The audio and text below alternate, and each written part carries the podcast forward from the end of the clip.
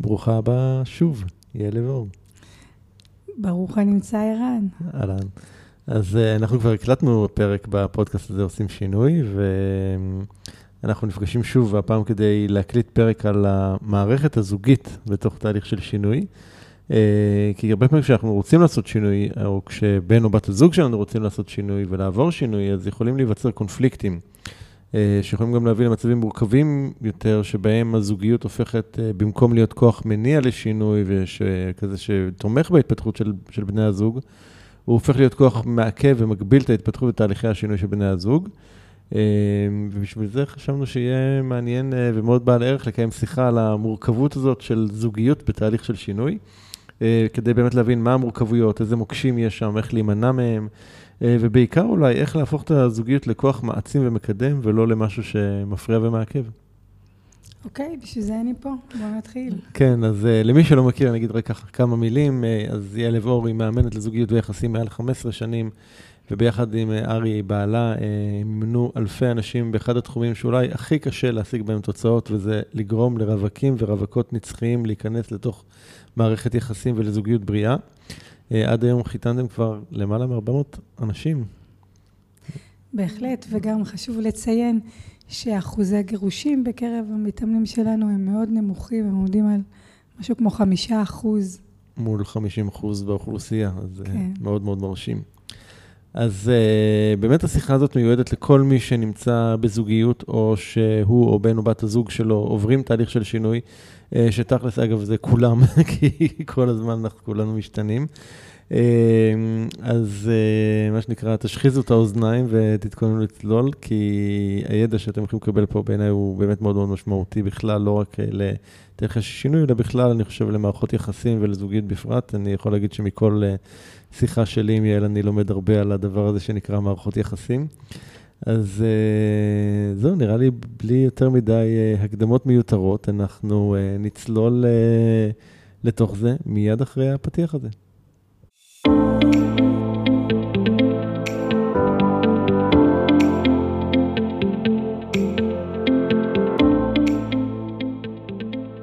הדבר היחידי הקבוע הוא שינוי. ובכל זאת, אנשים רבים חוששים ונמנעים מלעשות שינויים בחייהם. השינוי מוציא אותנו מחוץ לאזורי הנוחות ואל עבר חוסר הוודאות שלרוב מפחיד אותנו מאוד. ובכל זאת, ישנם אנשים שמוכנים להתמסר לתהליכי השינוי, ולא רק לשנות, אלא בעיקר להשתנות, ולהמציא את עצמם שוב ושוב מחדש. בפודקאסט עושים שינוי, תוכלו לשמוע את האנשים שמשחקים all in ועושים את מה שצריך, במקום את מה שנוח, כדי לחיות חיים מלאים ובעלי משמעות. בכל שיחה אנו צוללים לעומק התהליכים הפנימיים שהם עוברים, הטריגרים שמפעילים אותם, הפחדים והחששות, ההצלחות, הכישלונות, הפעולות שהם עושים וההתפתחות שהם עוברים.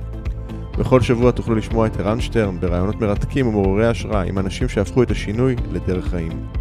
לפרקים נוספים בפודקאסט תיכנסו לאתר doingchange.co.il או חפשו עושים שינוי באפליקציות הפודקאסט המובילות iTunes, ספוטיפיי, Google Podcast ואחרות.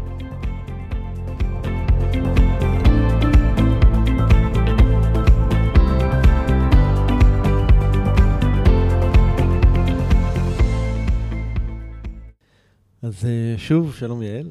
היי. אז אה, בואו בוא רגע נתחיל אולי גם לדבר שנייה על הפרדוקס הזה, אוקיי? זאת אומרת, זוגיות אמורה להיות הדבר אולי הכי קרוב, הכי תומך, הכי מכיל שיש לנו, ומצד שני, אנחנו גם רואים את זה לא פעם בתהליכים, בתוכנית עושים שינוי, שלפעמים זוגיות הופכת להיות אפילו סוג של מכשול. אני לא חושבת שהיא שוג, סוג של מכשול, היא פשוט עוד אתגר. אוקיי. Okay. אה, ואנשים שנכנסים לתהליך השינוי, הם מצפים שהזוגיות לא תהיה עוד אתגר. הם מצפים שיהיה איזשהו שקט בשטח הזוגי, שיאפשר להם בנחת לעשות את השינוי שלהם. זו, זו, זו הציפייה שה... בעצם שנכנסים כן. איתה. אני חושבת שהפרדוקס הגדול הוא שמצד אחד אתה מרגיש הכי טבעי בזוגיות, אנחנו רואים את כל הסדרות האלה שאחד מצחצח שיניים, אחד יושב בשירותים, ויש איזושהי חשיפה. שאחד יורק מעל הפה של השני כן, ולא פוגע בו. כן, בדיוק, כאילו איזשהו משהו של מישהו שיקבל אותנו כמו שאנחנו. מצד שני, אמ, זוגיות היא מערכת יחסים הכי דורשנית והכי תובענית. זאת אומרת, בואו נראה את כל הידידים האלה שחיים טוב ביחד, וברגע שנכנס מערכת זוגית, פתאום יש איזושהי דרישה ואיזושהי ציפיות מהבן זוג אה, או מבת הזוג, שהם צריכים למלא לנו איזה שהם צרכים. לא סתם בחרנו בהם, לא סתם התמסרנו. וזה הפרדוקס הגדול, שמצד אחד אתה מרגיש הכי טבעי להיות אתה, מצד שני יש לך הכי הרבה ציפיות מעצמך, מי אתה הולך להיות ומי אתה מצפה מבן בת הזוג, ובדרך כלל המכשולים הם אה, על הציפיות ואפילו לא על זה, על הדרך שבה אנשים מנסים אה, לגשר על הפערים, על הדרך שבה הם מנסים אה, לכפות את הרצון שלהם או להכריח את עצמם להיות משהו שהם לא. אבל, אבל כאילו, מה, זה לא הגיוני לצפות שאם אני עכשיו אה, נכנס לאיזשהו תהליך של שינוי, אז בן או בת הזוג שלי שיתמכו בדבר הזה? מה הגיוני בזה? אה, זה, זה, זה נשמע מאוד הגיוני, לא אז, כאילו... אז בוא כאילו, נגיד, נגיד... בכל זאת, את יודעת, שעמדנו שם אי שם מתחת לחופה לפני לא יודע כמה כן. שנים, אז הבטחנו ב richer and poor ו healthy and sick וכל ה... כל ההוליווד הזה, וכאילו... אתה יודע, אחת הדרכים הכי טובות אה, שלמדתי גם מאבא שלי וגם מה... מנחה שלי לפיזיקה בטכניון, שאם אתה רוצה להבין חוקיות של משהו, תלך לקצוות. בקצוות יש בהירות, okay. אוקיי. באמצע יש... עכשיו נגיד שאתה ואני אה, נשואים, ואני רוצה אה, לחזור בתשובה, mm-hmm. וללכת לחיות באנטארקטיקה, להחזיר את כל האנשים שם בתשובה. האם אתה בא איתי? כנראה שלא. אז למה אבל אתה לא תומך בשינוי שאני רוצה לעשות? אוקיי? אה, כי הוא לא תואם את הרצונות והצרכים שלי, מן הסתם. כן, אבל האם אתה מבין שברגע, בשנייה שאני אומרת לך, תתמוך בבקשה ברצון שלי, אני בהתעלמות מוחלטת מהצורך שלך? זאת אומרת, מה שאת אומרת בעצם, שהציפייה הזאת לתמיכה האוטומטית היא ציפייה בעצם לא ריאלית. ולא רק שהיא לא ריאלית, היא הרבה פעמים נעשית מתוך התעלמות מהצרכים והרצונות של הצד השני. אמ, אני חושבת שהייתי מנסחת את זה טיפה אחרת. אני אומרת שלפעמים בני זוג ביחד, כל אחד פתאום פורס כנפיים לכיוון אחר. לפעמים אנחנו רוצים את אותם דברים. סביר להניח שמתחת לחופה שם היו לנו אותן מטרות, ראינו אותה דרך, ו... אמ, ועוד היינו בשלב שהיינו מוכנים לתת הרבה ולעשות הרבה בשביל הצד השני, שזה הרבה פעמים הולך ופוחת במערכת, במערכות יחסים. ומה שקורה זה שאנחנו רואים את עצמנו כנפרדים. אתה רוצה ללכת, אה, אני רוצה לרקוד באנטארקטיקה עם, אה, אה, עם חרדים, mm-hmm. ואתה רוצה עכשיו ללכת לעשות סדנאות עירום, אוקיי? עכשיו, בפער בינינו יש חוויה בלתי, שזה בלתי ניתן לגישור. נכון. כי אנחנו מסתכלים על עצמנו, או אני או אתה נצליח, יש שם איזשהו אה, פער שהוא לא, אה, אה, שהוא נראה בלתי אפשרי. ועכשיו אנחנו מתחילים לדון בפער. מה שקורה ברוב מערכות יחסים, שאנחנו מצפים מהצד השני שיבין אותנו, או שאנחנו אה, אה, מבטלים את עצמנו ועושים את מה שהצד השני רוצה. בשני המקרים, מתחיל להיווצר קרע ואז אנחנו מתחילים לריב ולהתווכח ולדרוש ולפגוע ולפצוע. זה מה שפוגע במערכת יחסים. כל פעם באשר הוא יכול אה, אה, למצוא אה, פתרונות לגישור. זה לוקח זמן, זה דורש סבלנות ובעיקר זה דורש את אה, תהליך ההבשלה של כל אחד. הדוגמה שאני אוהבת לתת זה שכשאני וארי אה, הולדנו את אלה, אה, נוצר איזשהו פער בינינו. ארי מאמין שמוצרי חלב זה פשוט להרעיל את הבת שלנו, ובשר וחלב זה, אם אנחנו נותנים לה, אנחנו ההורים הכי גרועים בעולם. ואנחנו חיינו בתוך חברה שחשוב לאכול בשר וחשוב לאכול חלב, ואני בכלל חושבת שלחיות בתוך חברה ולאסור מהילדים שלנו לעשות את מה שמקובל באותה חברה, זה פגיעה חברתית. עכשיו, לך תנהל דיון. הדיון שלו הוא בכלל על בריאות, הדיון שלי בכלל על, על ערכים חברתיים. עכשיו, לך תנהל פה דיון. ומה עושים בינתיים? וזה לקח לנו כמעט, אה, השתמשנו בכל הכלים וכל, ולקח לנו קרוב לשנה, עד שבעצם כל אחד מאיתנו הבין בתוכו, הוא עבר את השינוי בתוכו. ארי הבין שלכפות יעשה בדיוק את הפעולה ההפוכה.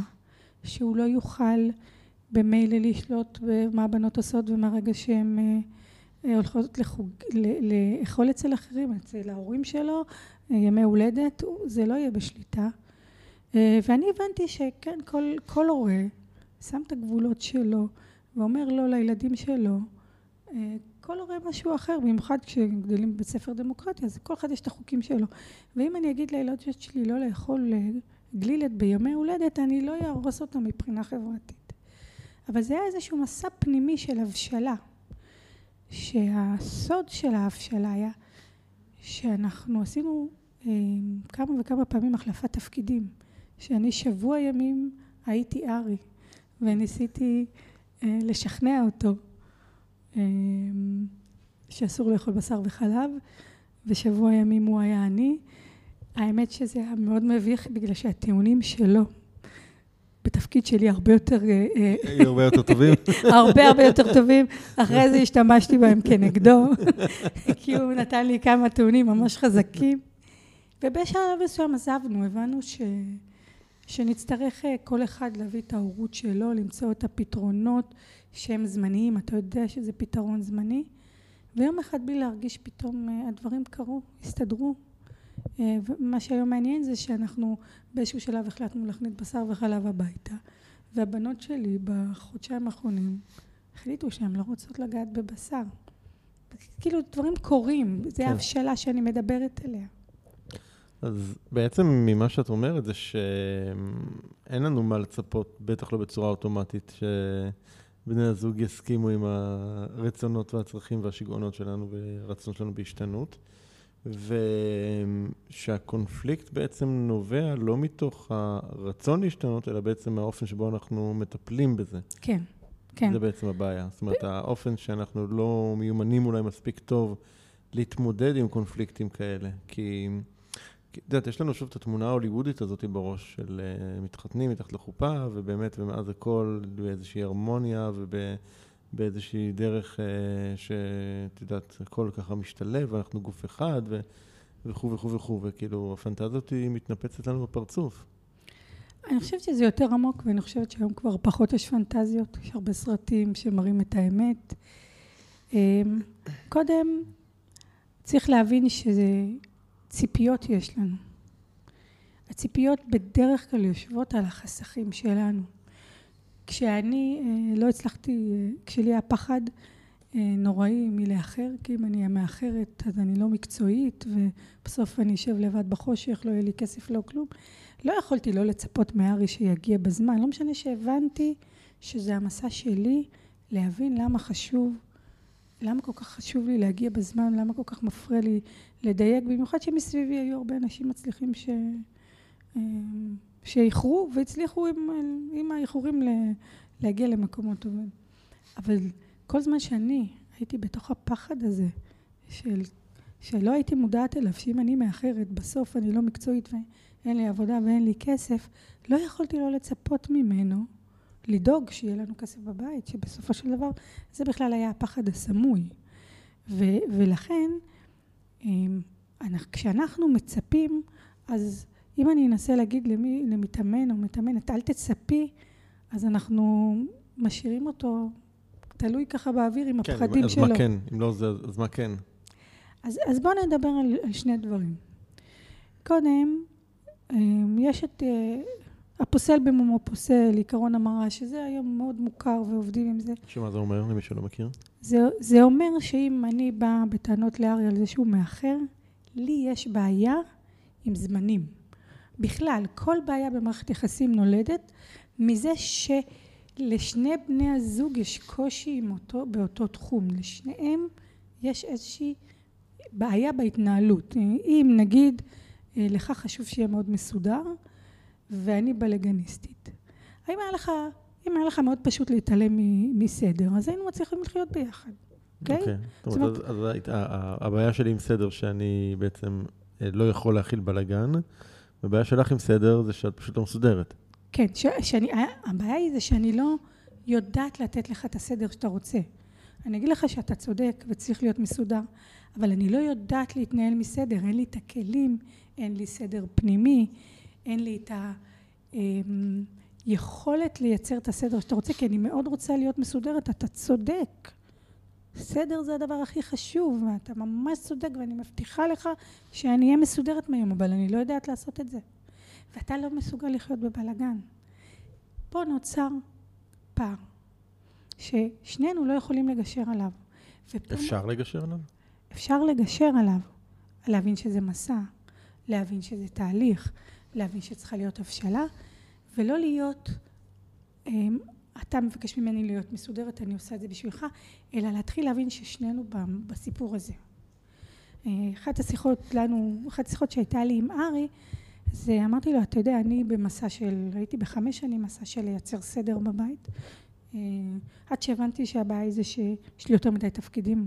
גם ניהלתי עסק, גם בניתי בית, גם הייתי מאוד מרכזית בגידול של הבנות שלי, ואז משהו היה צריך... אה, ליפול, איזשהו כן. כדור היה צריך ליפול. אז הכדור של הסדר שלא הייתי מיומנת בו, הוא נפל, ולקח לי חמש שנים עכשיו מסע של לעשות סדר, והגעתי לנקודה שאמרתי לארי, אני נורא רוצה שיהיה סדר בבית, לא בגלל שאני אומרת לכם, ולא בגלל שאתם מכבדים אותי, אלא ההתלהבות שלי מסדר תדביק אתכם, וגם אתם תתלהבו מסדר. ובאמת הגענו למצב שהוא היה ממש כמו פנטזיה, שעוזרת יום אחד ביטלה לנו, וביום שישי אמרנו כל אחד שאבא מסדר את החדר שלו, ונהנינו, הבנות שלי נהנו להיות כל אחד בחדר שלהם ולסדר. וזה בעצם הסוד, לגלות איזושהי התלהבות ולהביא את הכריזמה שלי לתוך הקשר, כי בטוח שבן הזוג רוצה לעשות לנו טוב. ואם הוא לא עושה לנו טוב זה כי הוא לא מאמין שהוא מסוגל בנקודה הזאת, או שהוא לא מאמין שזה דבר שיעשה לי טוב או לא טוב. ואז השיח זה ביחד, מי אנחנו רוצים להיות בסיטואציה הזאת. זה לא איך אתה עושה בשבילי, איך אני עושה בשבילך, אלא מי אני ואתה רוצים להיות בתוך הסיטואציה הזאת. נכנס לנו פיל לבית, עכשיו איך אנחנו מתנהגים עם הפיל הזה. שנינו רוצים להתמודד עם הפיל הזה. אז, אז בואי ננסה להוריד את זה רגע ל, ל, לעולם של, באמת, לעולם של שינויים, תהליכי שינוי.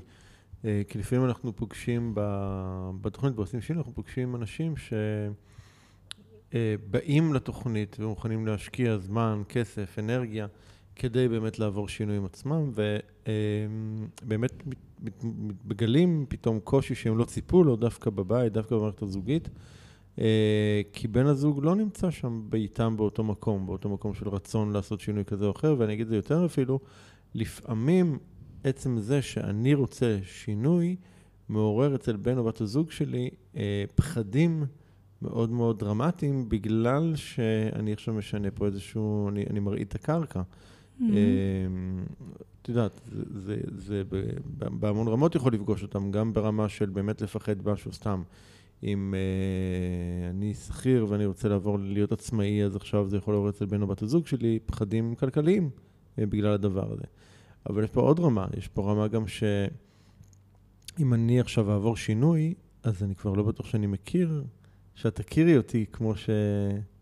שאת מכירה אותי. זאת אומרת, אפילו את לא מכירה, אולי תכיר את הכפתורים החדשים שיש בי, שאת הכפתורים הישנים את כבר מכירה היטב ויודעת איך ללחוץ עליהם כדי להשיג את מה שאת רוצה, ופתאום... אם אני משתנה, אולי הכפתורים האלה כבר לא יעבדו, ואז מה זה אומר, כן? זאת אומרת, גם פחד לאבד פה משהו. mm-hmm. אמ, נכנס לזה מכמה כיוונים? אמ, ההתייחסות, אה, ההתייחסות הראשונה היא באמת, כמו שאמרת, פחד. אמ, בסופו של דבר, למרות ש... אנחנו בעצם משקפים אחד לשני את הדברים שלנו, וכשאני באה ואני רוצה לעשות שינוי בתחום מסוים, וכמו שאמרתי, אם אתה מפחד מהשינוי, זה קשור אליך, זה לא קשור אליי, וגם הפחד שלי הוא לא קשור אליך. אז קודם כל, באמת להבין שיש פחד מאוד עמוק, שאנחנו נכנסים לטריטוריית הפחד, וכשיש טריטוריית פחד, עד שלא אה, אה, מעצימים את עצמנו, קשה להתמודד עם פחד. נושא אחר שאני רוצה לדבר עליו זה ההבדל בין להיות לבד לבין להיות בודד. אני חושבת שאחת הסיבות שאנשים נכנסים לזוגיות זה כי הם רוצים אה, מישהו שיהיה כמו עד לחיים שלהם, או מישהו שהוא שותף לדרך. אבל כשמדובר בכאב ובפחד, אנחנו לבד עם הכאב ולבד עם הפחד. אנחנו לא בודדים, יכול להיות לנו סוללה של חברים וחברות שתומכים, יכול להיות לנו בן זוג מאוד תומך, אבל הפחד הוא שלנו ורק אנחנו יכולים לתקן את הפחד הזה.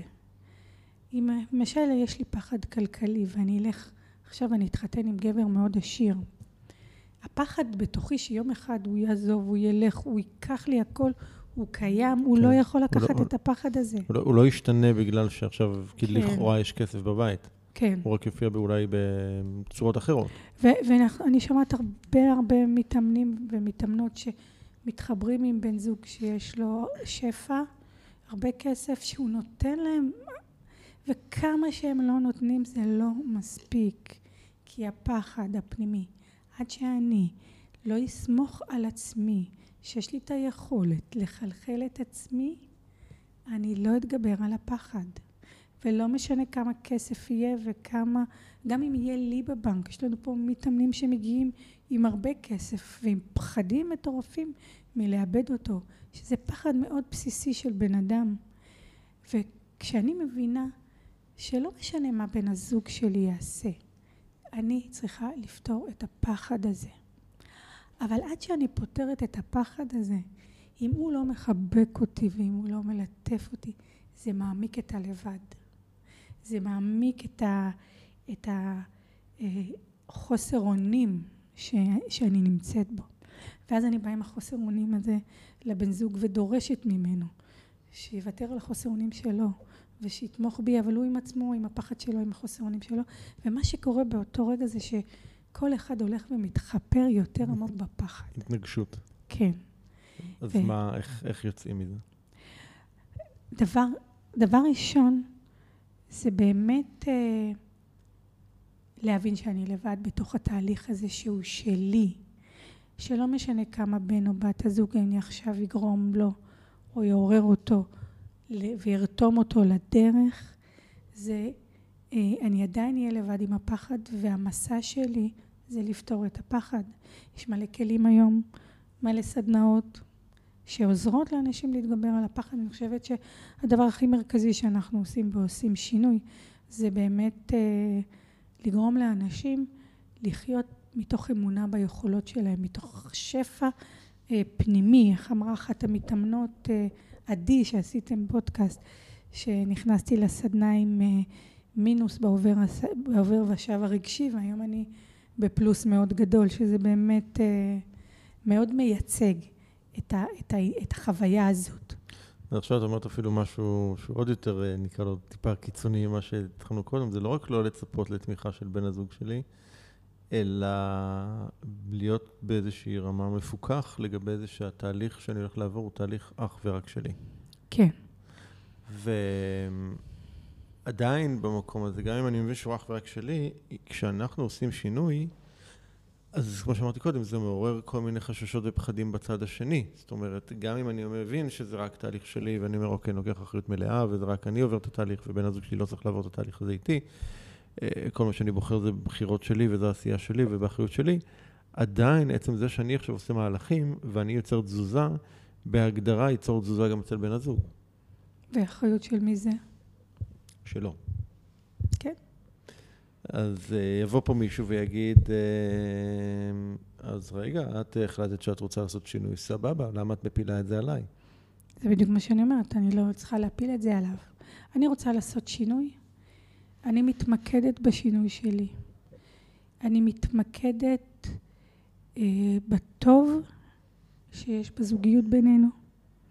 אני מעצימה את כל החלקים של, שטובים בזוגיות. מה שקורה זה שכשאנשים... אה, מתחיל להיות ביניהם איזה ויכוח על איזה נושא, אה, זה כמו, אתה מכיר שיש איזה כאב קטן בציפורן, כן. באצבע, זה mm-hmm. כל האצבע כואבת? כן. זה מה שקורה, הכאב הקטן הזה הופך להיות הכאב מאוד גדול של הזוגיות, ואנחנו שוכחים את כל מה שיש. בעיניי יש כמה, כמה עקרונות שמחזיקים זוגיות טובה. אחד מהעקרונות זה היכולת להסתכל על הדברים הטובים, על, ה, אה, על כל הכוס, אבל אני מתמקדת בחצי המלא. לא בגלל שלזוגות טובים, שיש להם זוגיות טובה, זה לא אומר שאין קשיים, וזה לא אומר שהם אה, אה, יד וכפפה, זה אומר שיש להם את היכולת לשים זרקור על כל הדברים הטובים בזוגיות. אז אם אני עכשיו רוצה תמיכה של הבן זוג שלי, הדבר הכי חשוב לעשות בתור התחלה, זה לשים זרקור על כל הדברים הטובים. הדבר השני זה להיות בשביעות רצון עם עצמי. כשאני בשביעות רצון עם עצמי, יותר קל לי להתמודד עם כל מה שהעולם מביא לי.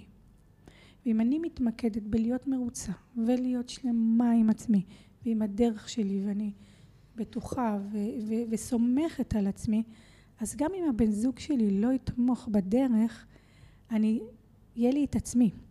הבעיה זה שאנשים באים לעשות תהליך שינוי כי הם עוד לא סומכים על עצמם. כי זה מסע. ובמסע הזה צריך סבלנות. ואם אני, תוך כדי המסע הזה, מתחילה להטיח האשמות בבן זוג שלי, אתה לא עוזר לי, אתה לא בשבילי, אתה לא שם, אני רק דוחפת אותו אחורנית. ואם הבן זוג שלי לא סומך עליי, זו שאלה לעצמי, מה, מה קרה פה? שהגענו למקום הזה. אז מה שאת מדברת כאן דורש, קודם כל, רמה מאוד מאוד מאוד מאוד מאוד גבוהה של אחריות אישית. נכון. אצל uh, שני בני הזוג. כן. ואם, ואם, אז יכולים להיות פה כמה סצנריונים. סצנריו האופטימלי האידיאלי, ששנינו באמת ברמת אה, אחריות אישית מאוד מאוד גבוהה, ואז באמת, כמו שאמרת קודם, של מי הבעיה הזאת, אז ברור לכל אחד שהבעיה היא שלו. בסדר? כן. והוא יודע להתמודד ולעשות את זה, אבל זה, בוא נגיד, אוקיי, אחוז מאוד קטן אולי אם האנשים נמצאים בפוזיציה הזאת. סצנריו יותר סביר זה שאחד מבני הזוג, בין אם זה זה שרוצה את השינוי או בין אם זה הצד השני, או להפך, הם, כן ברמה גבוהה של אחריות אישית, והשני לא כל כך. אוקיי. ולא נדבר על המצב השלישי, שהוא הכי מורכב, זה ששני בני הזוג ברמה אפסית או נמוכה של אחריות אישית, ואז זה בכלל יכול להיות תופת. כן, אני יוצאת מנקודת הנחה שמי שברמה מאוד נמוכה לא מקשיב לפודקאסט הזה. אוקיי. אלה שמקשיבים, אלה שרוצים להעלות את רמת האחריות שלהם. אוקיי. אבל אה, הרבה פעמים אנשים אומרים לי, אז איך אני גורם לו, איך אני גורמת לבן זוג להרים את האחריות? אמרתי לו, ברגע זה את לא באחריות אישית. עצם זה ששאלת, את לא באחריות אישית, ואת חושבת שזה שהוא ישנה את התודעה שלו, יהיה לטובתך. אמ, אי אפשר לדעת מה יקרה כשאני משתנה. וגם אי אפשר לדעת מה קורה כשהבן זוג משתנה. אני באמת יכולה לקחת רק אחריות על עצמי. שעכשיו, כשאני בפחד גדול, אני עוד לא יכולה לקחת אחריות על אותו, על אותו תחום. כמו שאמרתי, כשאני הייתי בפחד מאוד גדול כלכלי, הייתי צריכה לעשות מסע כדי לקחת אחריות. וכמו קסם, רק כשהייתי בשחרור גדול מתוך, מאחריות, שחררתי לגמרי מהרי את האחריות, והיינו באיזה נקודה, זה היה, אני אה, זוכרת, זה היה אוקטובר, אה, בנינו בית, היינו אמורים להתחיל אה, תוך חודשיים לשלם משכנתה עצומה. ארי לא עובד, אחותי שגרה איתנו לא עבדה, ואני עבדתי חצי כוח ממה שאני יכולה, כי בנינו בית וגם בדיוק סגרנו את העסק. אני זוכרת שבאתי אליו ערב אחד ואמרתי לו, תקשיב, אני יודעת לייצר שלושים אלף שקל, אין שום בעיה. אני אייצר את הכסף, ואתה תהיה בתקופה הזאת עם הבנות, ואני אמצא דרך לפצות על הזמן שאני לא נמצאת שם. אני אוריד טיפה בווליום אה, עם הבנות, אבל אנחנו נהיה בסדר. ונזכרתי שאפשר אולי לעשות עוד בלון למשכנתה ואולי נתחיל לשלם אותה רק בעוד חצי שנה. ברגע שהייתי במקום הזה שאמר יהיה בסדר, אני זאת שמשכתי אותך למסע המטורף הזה של בניית בית, של אה, משכנתה ענקית, של הכנסה פסיבית, הוא היה לו טוב בדירת שלושה חדרים, חוג אחד ל... חוג אחד לכל בת ופעם בחמש שנים לנסוע לחו"ל, הכל בסדר. חיים מצוינים ו... והוא בסך הכל לא הפריע לי להגשים את החלום שלי. וברגע שהייתי באופן מלא עם המקום הזה, משהו התהפך אצלו. וזה לא רק שהוא התחיל לעבוד ולהרוויח את הפוטנציאל שלו, בכל זאת מהנדס, הוא גם לקח אחריות ביחד איתי על כל הנושא הכלכלי בבית. וזה, ועד שלא שחררתי לגמרי בתוכי שזה היה מסע של שבע, שמונה שנים להשתחרר מהפחד הזה. הוא לא, הוא לא לקח אחריות. וזה הקסם, שכשאנחנו באחריות מלאה על עצמנו, משהו קורה לצד השני. זאת אומרת, אז המפתח כאן זה, שוב, אנחנו בעצם הורדנו ציפיות לחלוטין מבן הזוג שיעשה, או הוא יהיה באיזשהו סטייט מסוים, ואני בעצם, במקום שבו אני לוקח אחריות מלאה, אה, לאורך זמן, אה, יתחיל להדהד אה, גם לצד השני. אבל לא ויתרתי על החלום. Mm-hmm. זה מאוד חשוב להבין שאני יכולה כל חלום שלי להגשים ביחד. וככל שאני אהיה יותר שלמה ויותר בטוחה ויותר מאמינה ביכולת שלי להגשים את החלום, זה גם ישפיע על בן הזוג. כי קודם באתי אל בן הזוג, הייתי איקס. כשאני, איקס, הוא מגיב לי, הוא מביא וואי. אחרי שנה, באתי אליו כחול. כשאני באתי אליו כחול, הוא הביא אדום, הוא לא הביא וואי. עכשיו, אם הוא עדיין יביא וואי כשאני כחול, אז זה שיח אחר, שהוא נדיר שהוא קורה, אבל הוא קורה. אבל זה שיח אחר. לא כל מערכת יחסים, אה, הסוף הטוב שלה זה שנשארים ביחד. יש איזושהי, איזושהי תפיסה שנחיה באושר ואושר, ו, ונגיע להיות ככה, מבוגרים ככה ביחד. ככה מחנכים אותנו, כל סיפור טוב נגמר ב-live happily ever after. כן, ו... גם, גם חינכו אותנו להיות בקביעות ובמקום עבודה נכון. מלא שנים, וזה משתנה. נכון. אותו דבר, עולם מאוד מאוד uh, דינמי. ואנחנו רואים מלא מערכות יחסים, 50 אחוז מהאוכלוסייה יש לה כמה מערכות יחסים. ויום אחד זה יהיה חלק מהעולם הטבעי שלנו. זה... את בעצם אומרת פה משהו, ואני אנסה רגע לשים את זה במילים אה, מאוד ברורות שיכולות לשמוע אפילו קיצוניות אולי. מה שאת אומרת, זה... אני מגיע לתהליך השינוי מתוך זה שאני רוצה שינוי, כי זה משהו שהוא ברצונות ובצרכים האישיים שלי. לוקח אחריות מלאה רק על הצד שלי. Uh, מישהו יכול לשמוע את זה עכשיו ולהגיד, רגע, זה אגואיזם צרוף, כן? ומתוך גם ההבנה שיכול להיות מצב שכן, הדרכים שלנו לא ימשיכו להיות, uh, שהדרך שלנו לא תמשיך להיות משותפת. נכון, ואין עם זה שום בעיה. אני יכול לראות עכשיו אנשים שקופצים ואומרים, מה זאת אומרת אם זה שום בעיה? לא, אני מבין, אני מבין למשל... אבל אני יכולה, אבל אני גם יכולה לבחור שהדרכים שלנו לא, לא ייפרדו. יש משהו שמאוד מאוד קשה. הייתה לי שיחה עם חברה, אמ, וסיפרתי לה, אחרי הקורונה, לי ולארי היה איזשהו משבר, הוא, הוא הלך ליותר כיוון אה, העולם של הקונספירציה, שאותו, שהוא לא מתאים לי, במהות שלו. ואני נשארתי בעולם האימון שכבר פחות מתאים לו. התחלנו את דרכנו, שנינו היינו מאוד חזק בעולם האימון וזה מאוד עניין אותו. היום זה פחות מעניין אותו. ומצאנו את עצמנו, כל אחד עשה, כאילו, כל אחד עשה את השינוי שלו, ופתאום אין לנו על מה לדבר. וזה לא, ואנחנו כאילו מנסים להיות ביחד, אבל הביחד לא, לא נעים כמו קודם. אמ, אבל בחרנו בבחירת יסוד, שאנחנו קוראים לזה אה, חוק, חוקת יסוד של, ה, של הזוגיות שלנו, שעשינו אותה כמה פעמים. אה, בחוקת היסוד של הזוגיות שלנו זה שאנחנו חיים זוגיות מאושרת. אז כשהיינו בשלב התפתחות יותר נמוך, אז אמרנו, אם אנחנו לא מאושרים, אנחנו עוזבים. לא נשארים במקום שלא מאושרים. לאט לאט למדנו שאנחנו יכולים, שמה שמפריע לנו, נשנה אותו. ניקח עליו אחריות, נשנה אותו. והיום אנחנו מבינים שאנחנו בוחרים להיות מאושרים. לא צריך לשנות לא את, את הדרך שלי ולא את הדרך שלו, אלא השיח היה, אז מה אנחנו צריכים לעשות עכשיו כדי לחזור להיות מאושרים? כן, אנחנו נחיה זוגיות ונהיה מאושרים. אני זוכרת שחברה שלי שמעה את זה ואמרה לי, אה, את רואה, אתם כל פעם בוחרים לאהוב מחדש. אמרתי לה, לא, אנחנו אוהבים, זה לא האישיו. אנחנו בוחרים להיות מאושרים. לא לתקן, ולא לסדר, ולא לרתום, אלא להיות מאושר, ואז יצאנו למסע של מה יעשה אותנו מאושרים בקשר.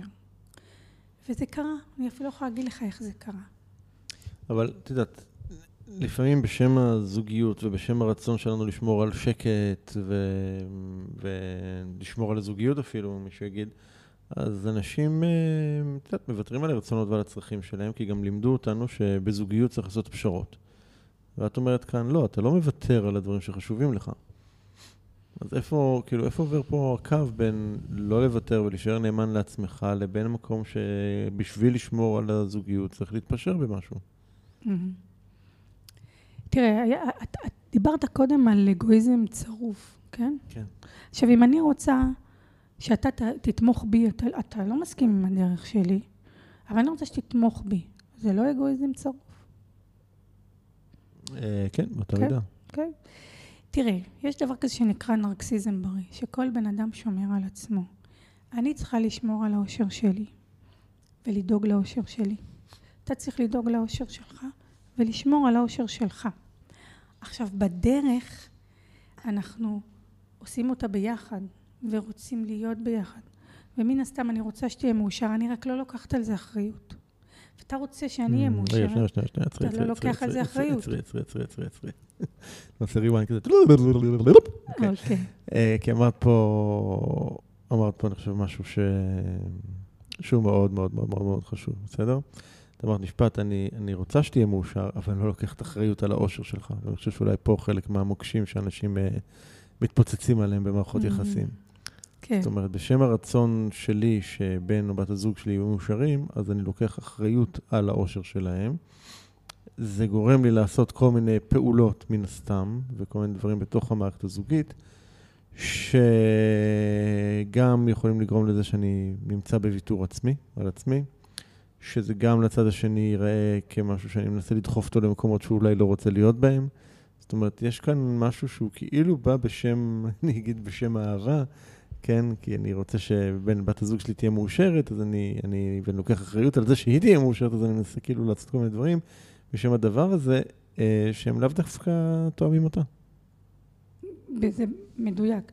יש איזושהי הבנה שרק אני יכולה להיות, מוש... להיות, לקחת, להיות, לקחת את האושר שלי בידיים ורק אני יכולה להביא, להוביל את עצמי לאושר. לא משנה מה, מה תעשה, אתה לא יכול לעשות את זה בשבילי. ואתה יכול לא לפגוע בי, אתה יכול לא להעליב אותי, אתה יכול אה, לא לשים לי רגליים, זה אתה יכול. אתה יכול לשאול אותי מה אני רוצה ואני אגיד לך מה אני רוצה ותעשה בשבילי את מה שאני רוצה. אבל גם אם, אם, אם אני בוחר, אם אתה אם בוחר, אני בוחר, כן. כן. אבל אתה מהר מאוד תגלה שאתה עושה בשבילי כל מה שאני רוצה ואני לא מאושרת. כי כל זמן שאני חושבת שהאושר שלי בידיים שלך, הוא תמיד יהיה רעוע, אני תמיד אהיה פגיעה, אני תמיד אהיה בתלותיות שהיא לא מקדמת את היחסים. יש תלותיות מקדמת ויש תלותיות שהיא מעכבת. ברגע שאני שמה את האושר שלי, את השביעות רצון שלי בידיים שלך, קרי, אתה צריך לתמוך בדרך שלי בשביל שאני אצליח. זה לא יקרה. עדיין, אני רוצה להיות איתך עכשיו במסע, אני רוצה שתהיה חלק מהמסע שלי. אז בוא נבדוק, התחלנו בזה שאתה רוצה, אה, אני רוצה לרקוד אה, עם דולפינים באנטארקטיקה ואתה רוצה, אה, לא עם דולפינים, עם חסידים באנטארקטיקה, ואתה רוצה לעשות סדנאות בעירום. ואנחנו רוצים עכשיו, את להיות יודעת, את ביחד. הדבקת את הדבר הזה אליי, את חושבת שזה ילווה אותי מהפודקאסט הזה עכשיו לכל החיים, העניין הזה של סדנאות עירום. נו, מה הבעיה עם זה, את שואלת? מה, אתה רוצה. שאני אדביק לך חרדים באנטארקטיקה? אנחנו יכולים להחליף תפקידים אם אתה רוצה. עכשיו, במסע, במסע משותף יכול להיות שנתרחק קודם. מה? אה, אני אסע לאנטארקטיקה, אתה תיסע לסדנאות שלך, אבל הרצון שלנו להיות מאושרים ביחד ימשוך אותנו בחזרה. אוקיי, שזה, שזה מה שאמרת פה רגע, זה גם, אני חושב, משהו ששווה רגע לעצור עליו, שנייה להתעכב. אמ, כי זה יכול להיות מאוד מפחיד, כאילו, שאת אומרת, אוקיי, כל אחד עכשיו, בזוג, בתוך הזוגיות, הולך ל... עם הרצונות שלו, שהם לא אחידים, לכיוונים שונים, וזה בסדר. כן, ומה שאנשים עושים, זה הם רבים, כועסים, ואז הם נותנים לעצמם לגיטימציה ללכת. כי השלב הראשון זה צריך להתרחק. זה כמו, בוא נחשוב על זה כמו עונות השנה. שלב ראשון, יש, יש במערכת יחסים את כל עונות השנה. ובכל מערכת יחסים הכי טובה יש שלכת. שלפעמים כל מה שעשה לנו טוב עד היום, נושר. בשלב הנשירה כל אחד מתכנס לתוך עצמו. כל אחד זורע זרעים שהם טובים לו, וביחד אחרי זה צומח משהו שהוא משותף. אבל מה שאנשים עושים, כי הם מפחדים לתפוס את המרחק, הם רבים, כועסים, וכשהם כועסים הם תופסים מרחק. ונותנים לעצמם את הלגיטימציה לעשות, ואז, כן. ואז זה נהיה בסדר. כאילו, כי כן. מראש להגיד, אני הולך לצד שלי ואת הולכת לצד שלך, אה, כן. זה נשמע כאילו לא בסדר, כי שוב, בשם הנישואים אנחנו אמורים להיות ביחד בהכל. כן. אולי, אולי, זה, אולי זה חלק מה... מהמיסקונספציות שיש על העניין הזה של זוגיות, שאנחנו צריכים להיות בהכל ביחד, ושאנחנו, הרצונות שלנו צריכים להיות תואמים.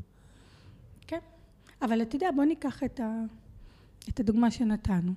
אם אנחנו נחתור לעומק, יש סיבה שאני רוצה לרקוד עם החרדים ב, באלסקה, או שיניתי את המיקום. אמ, משהו שם רגשית אני מקבלת. ויש סיבה שאתה רוצה ללכת לעשות את הסדנאות, משהו שם רגשית אתה מקבל. שאני לא מקבל בתוך הזוגיות כנראה. כן. ואם אנחנו נבין שאני רוצה אה, לעשות סדנאות באנטארקטיקה כי זה אזור שיהיה לי מאוד קל להשפיע בו כי אין שם תחרות ואתה רוצה אה, לעשות סדנאות בעירום כי אתה רוצה גם כן להגיע למקומות של חופש והשפעה חדשים והנה פתאום נוצר לנו משהו משותף.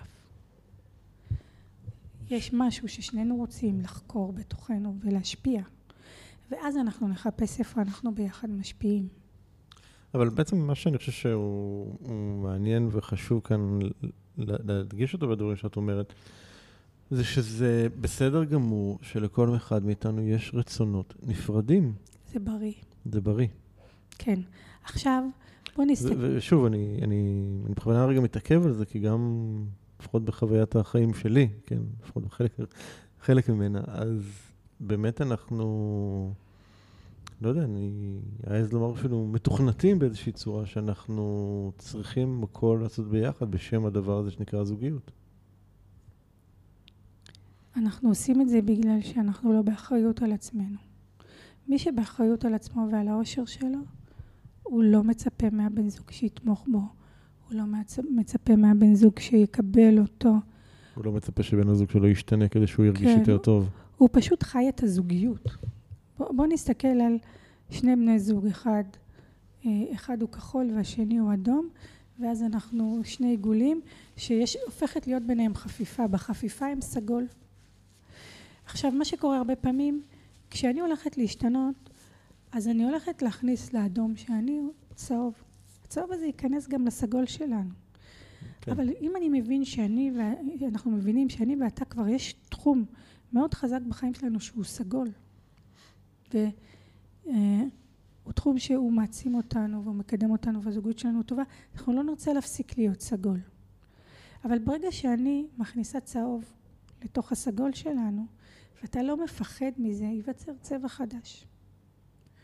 הצבע החדש הזה בתוך התחום שלנו, הוא יכול להישאר מין אה, סגול טורקיזי כזה, עדיין כל אחד מאיתנו יכול לשמור על הצבע שלו בתחומים של החברים האישיים, העבודה. עדיין, אם אנחנו נבין שברגע שנכנס צהוב זה שדרג את שנינו, ושנינו רוצים להפוך, להפוך להיות כולה, כל כולנו הצבע החדש. בגלל שאני לא מתייחסת לדברים החיצוניים. אם אני עובדת במקום אחד, אם אני עובדת במקום שני, אם הלכתי איתך לאירוע משפחתי או לא הלכתי איתך לאירוע משפחתי, אלא מה שאני מתייחסת זה על העומק שלי, מי שאני כבן אדם.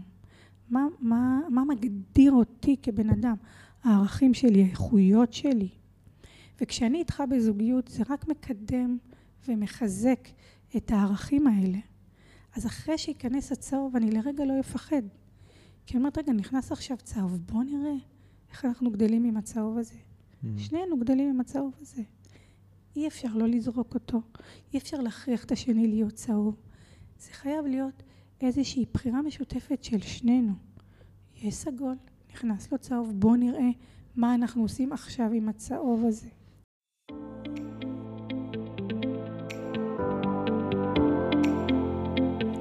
היי hey, היי, hey, אנחנו מיד חוזרים להמשך השיחה המרתקת הזו. אבל שנייה לפני כן, אני רוצה להזכיר לכם את הסיבה שהפודקאסט הזה נוצר מלכתחילה. והסיבה היא לעורר באנשים את האנרגיה והמוטיבציה להניע שינוי בחיים שלהם. אנחנו לא הגענו לכאן כדי להישאר במקום. כמו בטבע, גם אנחנו כבני אדם, או שאנחנו צומחים, או שאנחנו נובלים. אז אם קיבלתם השראה מהפודקאסט הזה ואתם מרגישים את השינוי בוער בכם, החלטתם שאתם רוצים שינוי ואתם רוצים ומוכנים לעשות את מה שצריך ולא את מה שנוח כדי ליצור את השינוי הזה בחיים שלכם, אני מזמין אתכם לתאם איתנו שיחת בהירות, ללא עלות וללא התחייבות. בשיחה הזו נעזור לכם להתמקד ולהבין כיצד לקדם את השינוי בחיים שלכם. מדובר בשיחת אימון לכל דבר ועניין שתוכלו להפיק ממנה ערך משמעותי. וגם תוכלו לקבל בה מידע על האופן שבה אני והצוות שלי נוכל לעזור לכם לעשות את השינוי שאתם רוצים. אז היכנסו כבר עכשיו לאתר לסיים את השיחה הזאתי ערנסטרן.co.il/doing-change אני חוזר, ערנסטרן.co.il/doing-change היכנסו כבר עכשיו לתאם את השיחה ואנחנו כבר ממשיכים ברעיון.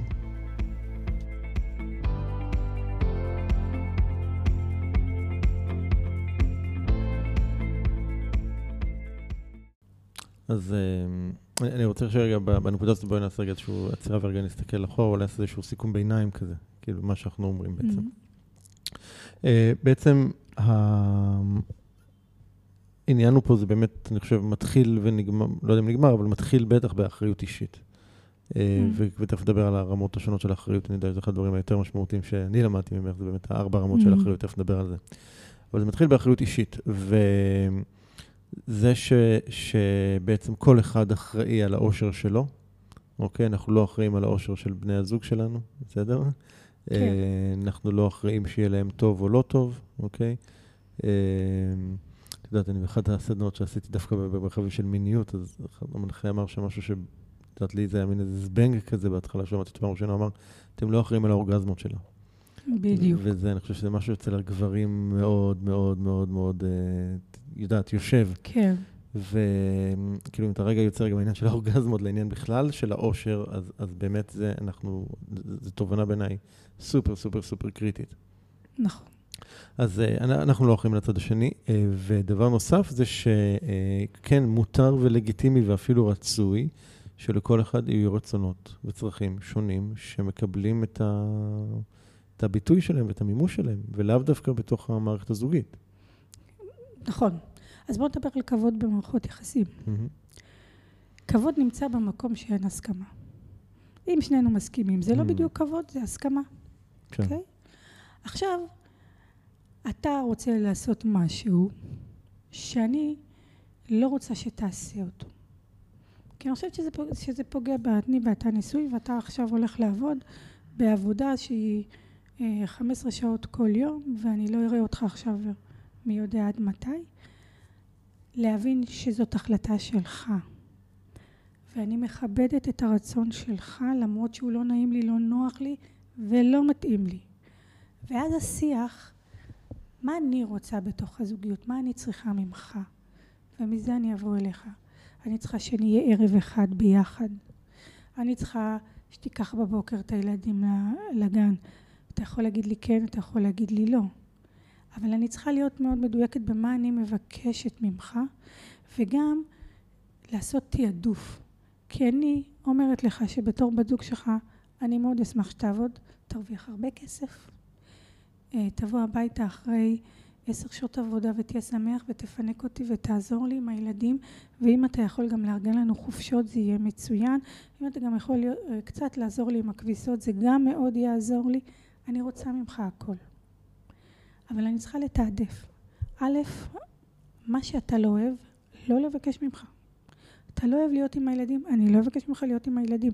אני לא אחליט שאתה צריך להיות אבא שצריך להיות עם הילדים, כי אני מפחדת לשים את הבנות שלי אצל בייביסיטר. אז אני לא אבקש ממך. ואתה... עצרי. אני יוצאת. כן, אני... אני, אני חושב ששוב, זה משהו ששווה לעצור ולהתעכב עליו שנייה, כי הוא גם מאוד חשוב. זאת אומרת, אמרת לא לבקש אה, מבן הזוג משהו ש... שהוא לא טוב בו או לא אוהב אותו, משהו כזה. כן. אז בואו ניתן פה טיפ. כן. יושבים שני בני הזוג, או אפילו אם אני, אני לא רוצה, הוא לא, לא רוצה לשחק איתי, אני משחקת לבד, אני עושה רשימה של כל הדברים שצריך לעשות בבית. Mm-hmm. ואני מסמנת לי את עקרון הרמזור. אדום, אני לא אעשה, לא יקרה. צהוב, אני מוכנה לעשות, אני לא אוהבת את זה. ירוק, הדברים שאני אוהבת לעשות. אוקיי. דבר ראשון, באופן מובהק חייב להיות שהירוק הוא יותר גדול מהאדום והצהוב באופן מובהק.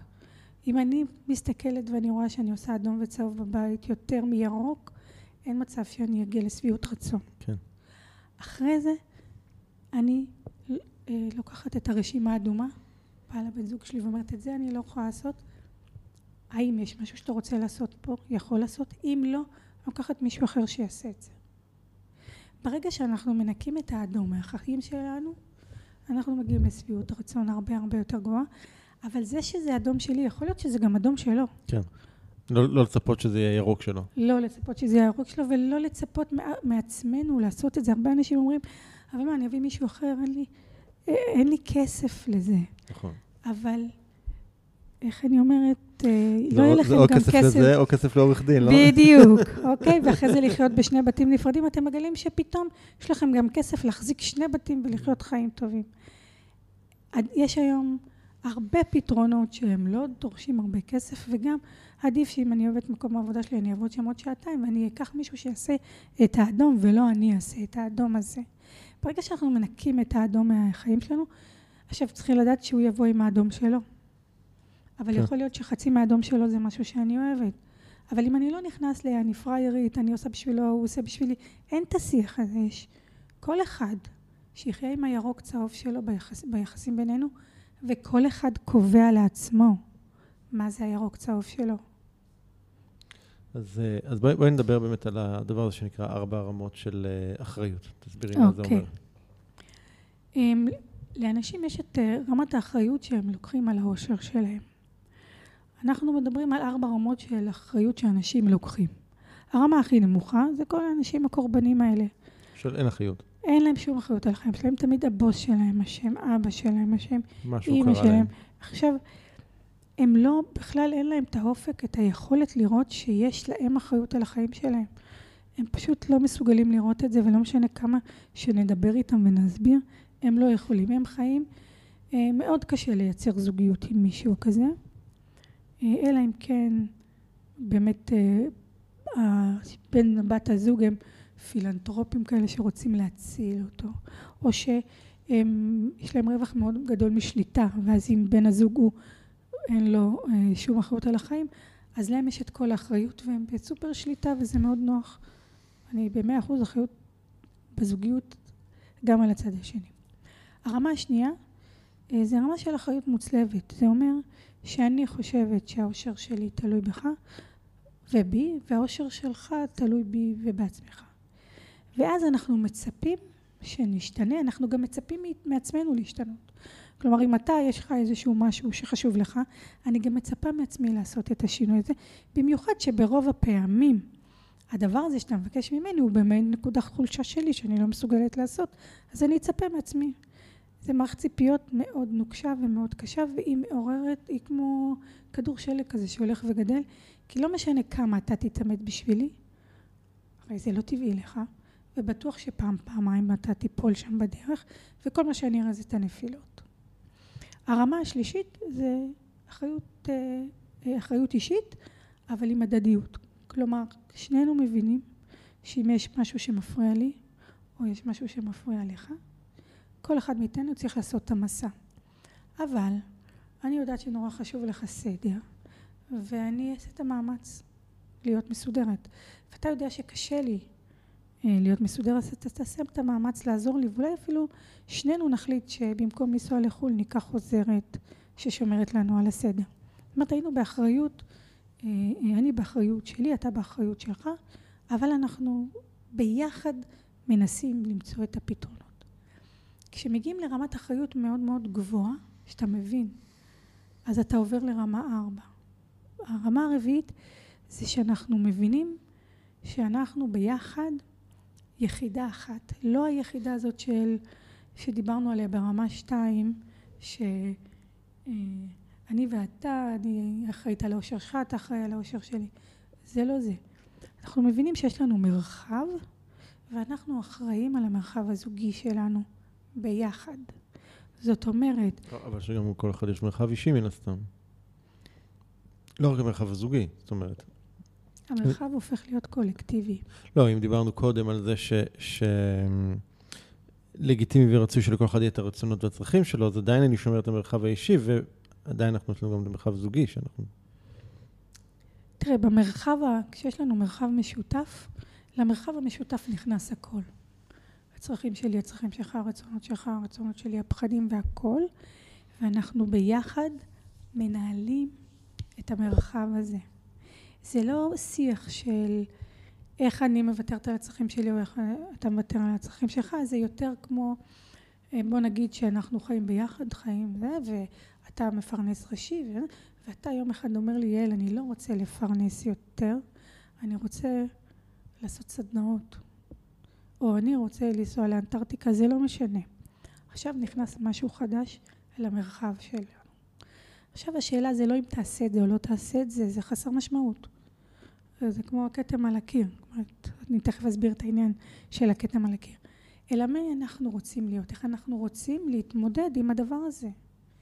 מי אתה רוצה להיות כבן זוג, מי אני רוצה להיות כבן זוג, איך אנחנו רוצים אה, לדאוג שהצרכים של שנינו מתקיימים, בגלל שאין שום צורך שמישהו מאיתנו יוותר, אלא אנחנו יכולים לייצר את המציאות הזאתי שכל אחד הצרכים העמוקים שלו, לא הביטוי החיצוני של הצורך, לא הסימפטומים של הצורך, הביטוי העמוק ביותר שלנו יבוא לידי ביטוי, ואז השיחה היא כבר לגמרי אחרת. מה הצרכים שלך, מה הצרכים שלי, איך אנחנו מייצרים דרך. עכשיו עצם זה שאלה השאלות שאנחנו שואלים, זה מה שהיקום יביא לנו, זה התשובות שנקבל. אם אנחנו נשאל מי מתפשר, איך מתפשרים, נאמין שחייבים להתפשר, זה מה שיהיה בזוגיות שלנו.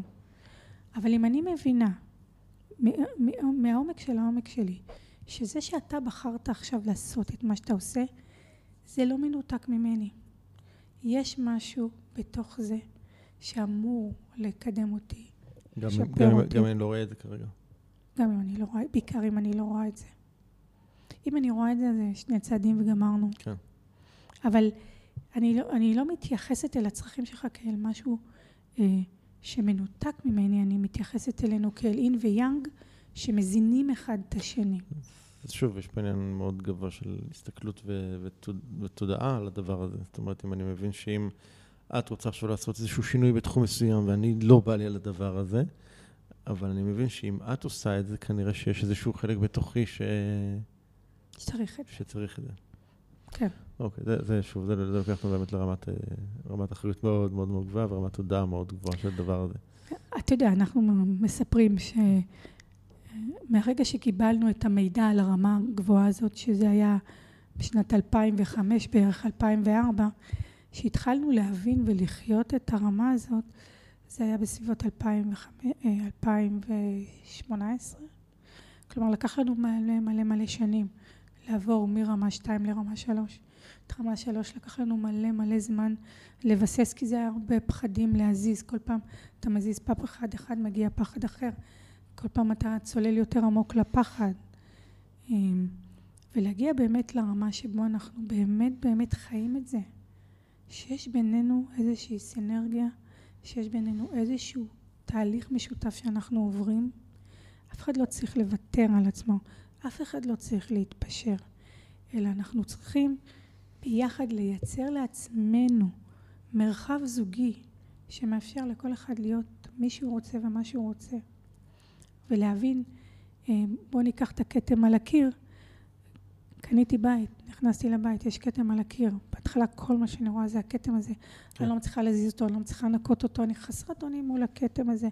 לאט לאט אני חיה איתו, ואני רואה שיש שם כתם, ואני שמה שמה, שמה כל מיני דברים להסתיר אותו כדי שלא יראו אותו. ואז כמה שאני לא מנסה להסתיר את זה, נופלת המראה, נשברת התמונה. אני גם תמיד אזכור ששמתי את המראה, כן, כן. כי להסתיר את הכתם מאחור. ואז אני עולה לברמה, ואז אני לוקחת את הכתם ואני מציירת ציור סביבו, והכתם מתמזג עם הציור. אבל גם כן, כשציידתי את הבית ונשאר הכתם. ויום אחד אני נכנסת לבית שיש בו כתם על הקיר. אני לא רואה אותו, זה לא משנה לי. כאילו, יש לי בית, יש שם חום, יש שם אהבה, יש שם אה, הרמוניה, הבית שלי אה, מעוצב כמו שאני אוהבת, ויש כתם על הקיר. אני בכלל לא מתעסקת בכתם הזה. אז, אז בואי אה, נעבור ככה לאיזשהו שלב. אנחנו, הבוקר לפני שנפגשנו פה להקליט, אז פרסמתי בהודעה בקבוצת אה, וואטסאפ של הקהילה של עושים שינוי, ואמרתי להם שאנחנו הולכים להקליט, ואמרתי, אוקיי, בואו, מה, איזה שאלות הייתם רוצים לשמוע, מה הייתם רוצים לשמוע אותנו מדברים. אז יש ככה כמה שאלות, והן קצת יותר באמת, בואו ניקח את זה לרמה יותר הפרקטית. פרקטית, של כן. איך, מה עושים עם זה כן. עכשיו, בסדר? אז אה, אוקיי, אז יש לנו סיטואציה שהיא קורית, אנחנו נתקלים בה גם, שאחד מבני הזוג רוצה לעבור שינוי, השני לא, אוקיי? מה בפרקטיקה עכשיו אני עושה, אוקיי? בן הזוג שלי, את יודעת, גם פה יכול להיות כל מיני דברים, זה יכול להיות מרמה של בן הזוג שלי אפאתי מול זה, לך, אתה רוצה, אתה רוצה להשתנות, לך תשתנה, מה אתה רוצה ממני?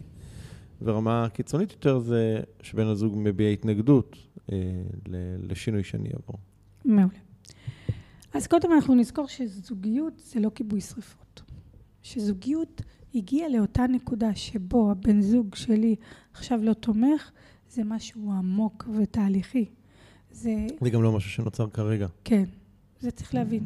לא- כאילו, כאילו, כן, כאילו, הרבה פעמים כן. אנחנו יכולים לחשוב, אה, הוא לא רוצה ש... זה שהוא לא, כאילו, לא תומך בי עכשיו לשינוי, לא, זה לא משהו מהשנייה הזאת, זה משהו כן. שנוצר פה משנים כנראה.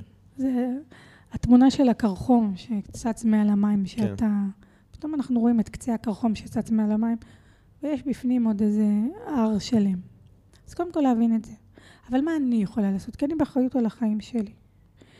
אז אני קודם כל אה, עושה את המסע שלי מול הפחד שלי, מול ה... אה, אה, למה זה כל כך מפריע לי, למה אני לא צריכה, איפה אני מרגישה חסרת אונים ולא מספיק חזקה, שאני צריכה את התמיכה שלו. אה, דבר שני, בכל זאת אנחנו זוג, ואני רוצה אותו ביחד, כי אחרת אני מרגישה איזושהי בדידות שהיא יותר עמוקה. אז אני שוב מתמקדת בזוגיות שלנו. מה אתה צריך שיהיה פה בזוגיות? אתה צריך שאני אפרנס, אתה צריך שאני אהיה עם הילדים, מה אתה צריך? ואז הוא אומר לי את כל מה שהוא צריך, ואני עושה צהוב, אדום, ירוק. מה אני יכולה לעשות ומוכנה לעשות ויהיה לי כיף לעשות. מה אני אעשה בשבילך, כי אני אוהבת אותך, כי זה חשוב לי, ומה, למרות שאתה מבקש, ולמרות שאני אוהבת אותך, ולמרות שאתה חשוב לי, אני לא אעשה. אותו דבר אני אבקש ממנו, תגיד לי מה אתה צריך ממני. או אני אגיד לו מה אני צריכה ממנו, ממנו אוקיי? זה צריך להיות מאוד, מאוד פרקטי ומאוד בסיסי. אני יכול לתת פה איזה דוגמה, הייתה לי פעם עם אה, לקוחה לפני כמה שנים, שהיא היא התחילה להקים את העסק שלה, וראית, הייתה מגיעה אליי לפגישות, וכל פעם היה איזה ברקע איזושהי מריבה עם בן הזוג. אה, הרקע היה תמיד קשור לכסף באיזושהי צורה, וכשטיפה הסתכלנו על זה, ראינו שבכל פעם שהיא עושה איזושהי הוצאה אה, כלכלית שקשורה לעסק, וזה לא היה משנה בכלל, זה לא היה תלוי סכום, זה לא היה משנה אם זה 20 שקלים, 200 שקלים, 2,000 שקלים, זה לא היה משנה מה הסכום. כל פעם שהייתה מוציאה איזשהו סכום כדי להשקיע בעסק שלה, זה היה מעורר מריבה ביניהם. ושלחתי אותה הביתה לשבת איתו ולהגדיר ביחד מסגרת תקציב. מהמם. וזאת אומרת, מה, מה התקציב שמוקצב לעסק, כמה, כמה הם מוכנים להוציא על העסק שלה, אוקיי? ומהרגע שהם הגדירו את הדבר הזה ביחד וקיבלו עליו הסכמה על הסכום הזה, היא פתאום קיבלה חופש בתוך הדבר הזה. היא התנהלה עם הדבר הזה, היא לא הייתה צריכה את אישורו לשום דבר, כל עוד היא פועלת בתוך המסגרת התקציבית שהם הגדירו. והוא מבחינתו גם נרגע, כי, הוא, כי, כי, כי הם גידרו את זה ביחד, הם גידרו את הסיכון הכלכלי מבחינתו. ובעצם היה כאן מענה לצורך שלו, של באמת להבין ש, שיש כאן איזשהו אה, גידור לדבר הזה, וזה לא איזשהו אה, בור בלי תחתית שהוא לא יודע מתי זה נגמר. כן, אבל בוא נגיד שזה מתחיל במערכת יחסים שהיה שם איזושהי תלות. כלומר, אה, איזושהי תלות כספית או של בו או של אחד בשני, ובלי בלי, בלי כללי משחק. אבל אם... אה, אז, כש, אז, אז ברגע שאתם הגדרתם, יצרתם כללי משחק, אבל יכולנו גם להגיד שיש לה חשבון שהוא החשבון של העסק שלה, ויש את החשבון המשפחתי שהיא לא נוגעת בחשבון המשפחתי, ואז גם היינו משחררים תלות. איך, אה, אם, אם אני עכשיו התחלתי בתהליך של שינוי וזה מעורר התנגדויות אצל בן הזוג שלי, מה, מה אני יכול לעשות?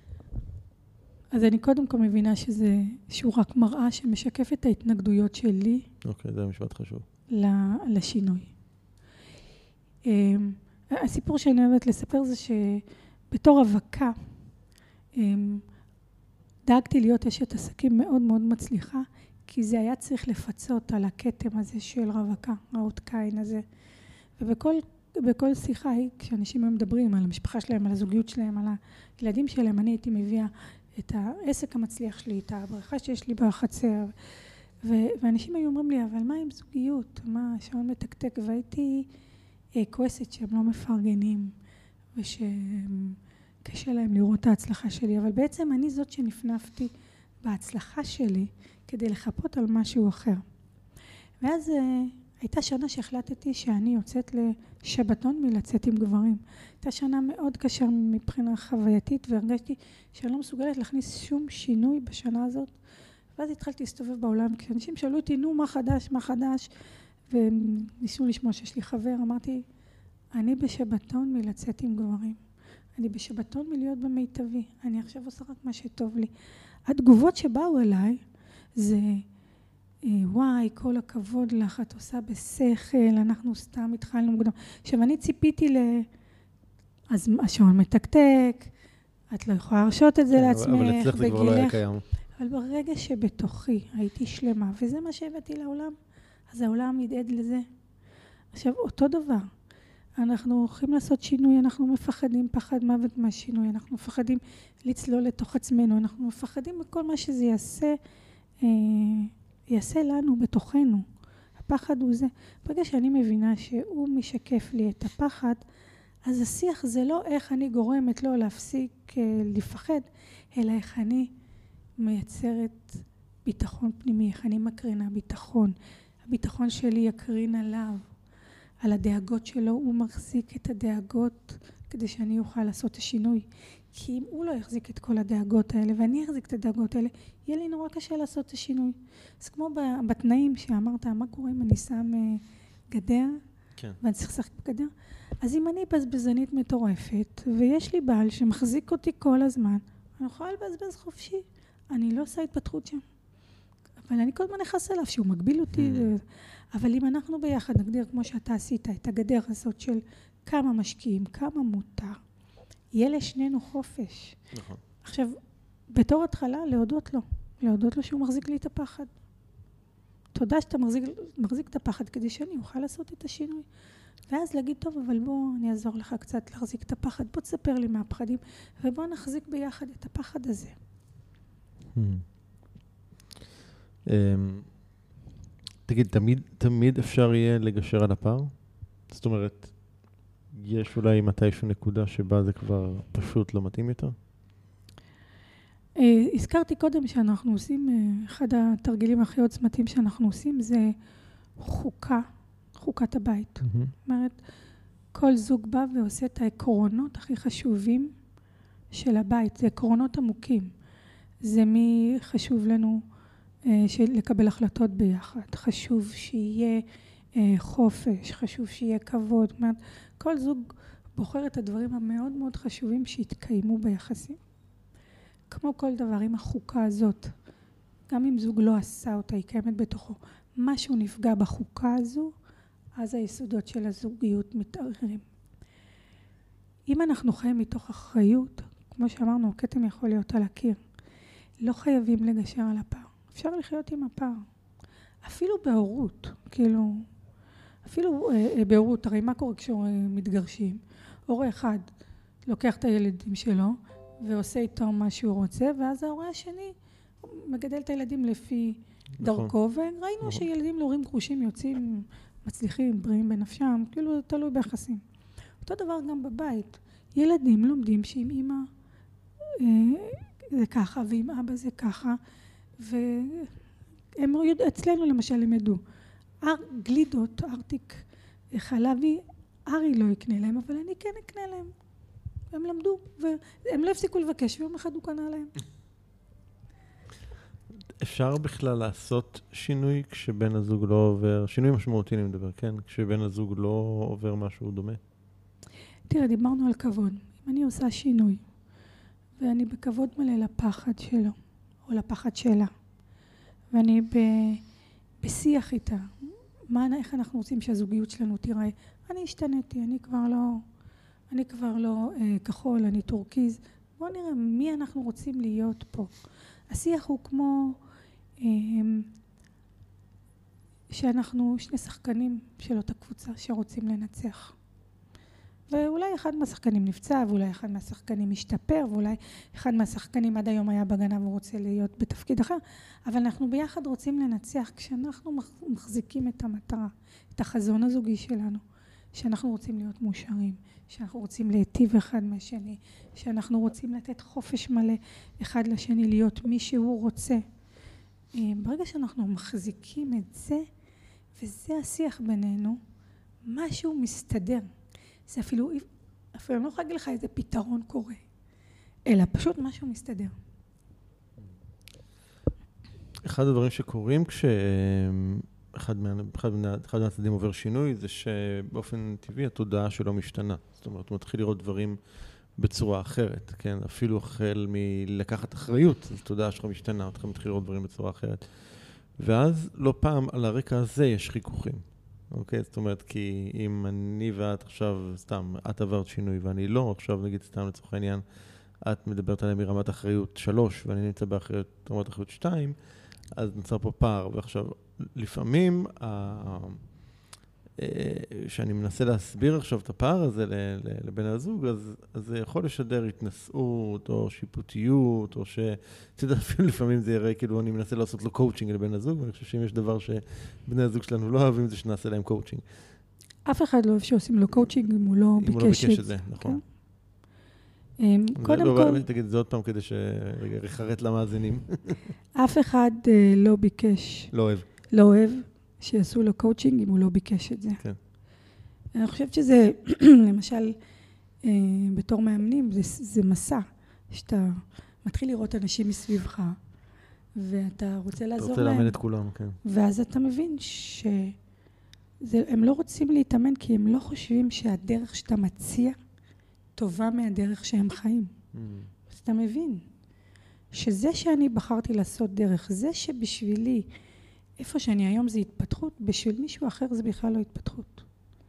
כשאני, כשאני מבינה שזה שאני ובעלי ביחד היינו, ב, נתנהגנו בדרך מסוימת, ואני בוחרת היום להתנהג בדרך מסוימת שזה התפתחות בשבילי, זה לא אומר שזה התפתחות בשבילו. ואף אחד לא אמר שהתפתחות זה הדבר הכי טוב לעשות. מי אמר שצריך לעשות התפתחות? זה אופנה. זה גישה של אנשים שבוחרים לחיות בדרך כזאת. עכשיו, זה משקף את הביקורת שהיה לי על עצמי, על מי שאני הייתי, וזה מזכיר את הפוסט שדבורה כתבה, שקודם כל אתם צריכים להעריך ולכבד את מי שהייתם. ועוד פעם, כשאני מעבירה עליו ביקורת, אני לא מכבדת את מי שאני הייתי. וזה מסע שלי עם עצמי. Mm-hmm. כל הזמן לזכור, הפוסל במומו פוסל, הפוסל במומו פוסל, תמיד, תמיד עבד. אני מאמנת אה, אה, עשרים שנה, אף פעם לא היה מצב שלא מצאתי את המשפט הזה נכון. Hmm. תמיד שמישהו פוסל מישהו אחר, או שאני בעצמי פוסלת מישהו, אני בודקת עם עצמי. מה, מה, מה אני פוסלת בתוכי? אמ, אבל אנחנו בכל זאת רוצים לתת משהו פרקטי כן. אה, למתאמנים. כשאני בביקורת לבן זוג שלי, אני לוקחת את כל הדברים שהיה לי ביקורת עליו, ואני עושה רשימה למה אני מקנאה בו. מה זאת אומרת? זאת אומרת, נגיד יש לי אה, ביקורת על זה שארי הוא פנאטי והוא אוכל אוכל מאוד קיצוני והוא מנוהל מפחד ואין לו גמישות וככה הוא משיג שליטה, זה הביקורת שלי. אז אני אבדוק עם עצמי מה אני מקנאה. אז אני מקנאה ביכולת הזאת שלו, שכשהוא מחליט משהו הוא מחזיק אותו. אני מקנאה ביכולת שלו אה, לשים את הבריאות שלו בתחום, במקום כזה אה, גבוה וחשוב. זה מה שאני מקנאה. אפילו ארי אה, היה צריך לכתוב, כשעשינו את התרגיל הזה, מה הוא מקנא בי שאני עליתי במשקל, עליתי 30 קילו בזוגיות הזו. אה, והוא היה לו מאוד קשה, למה, מה יש לקנא במישהו שמן? והוא בסוף הגיע למסקנה שהוא מקנא בחופש שלי להיות במשקל הזה, שאני מרשה לעצמי, Mm. שאני לא מפחדת מזה, שאני יכולה לחיות ככה. בסופו של דבר, אם אני אה, מסתכל במה אני מקנא בבן זוג שלי, וזה לא פשוט, צריך למצוא את זה. כשאני מבין שהביקורת שלי נובעת מאיזושהי קינה, מאיזושהי חולשה, ואני מתחיל להסתכל על זה ככה, ואני מתחיל להודות לו על מי שהוא.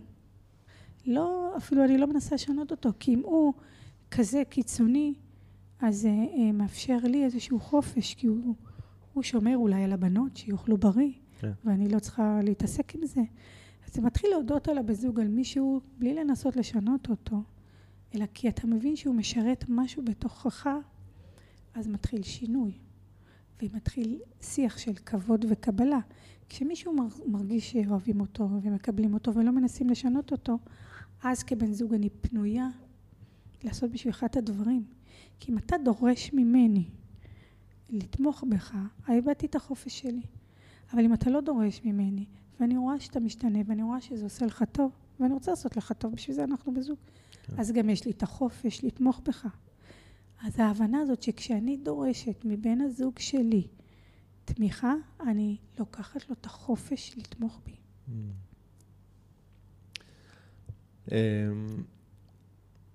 איך אה, הרבה פעמים ההתנגדות של בן הזוג לשינוי שאנחנו עוברים נובעת מפחדים שלו, בסדר? זאת אומרת, אה, נתתי את זה קודם את הדוגמה עם האישה, עם בעלה, שהעניין של הכסף, אוקיי? אז, אז ההתנגדות שלו נבעה מהפחד הכלכלי שלו.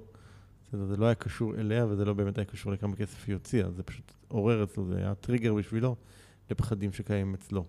יש משהו שאנחנו יכולים לעשות, לעזור בהקשר הזה, למרות ששוב, כאילו, אנחנו לא אחראים על זה, אבל יש משהו ש... נגיד שאני ואתה החלטנו ללכת לקפוץ בנג'י, ואתה עומד קשור לכל, החבל, לכל החבלים, ואתה צריך לקפוץ. מה? אתה מפחד, מה אני יכולה לעשות?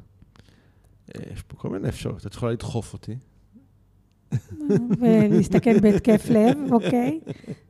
אה, לא, אבל זה, כן, יש אנשים שזה, שזה, שזה, ש- שיכולים לעשות את זה. אוקיי, אז אני צריכה לבדוק איתך. כן. אם לדחוף אותך יעזור לך, מה עוד?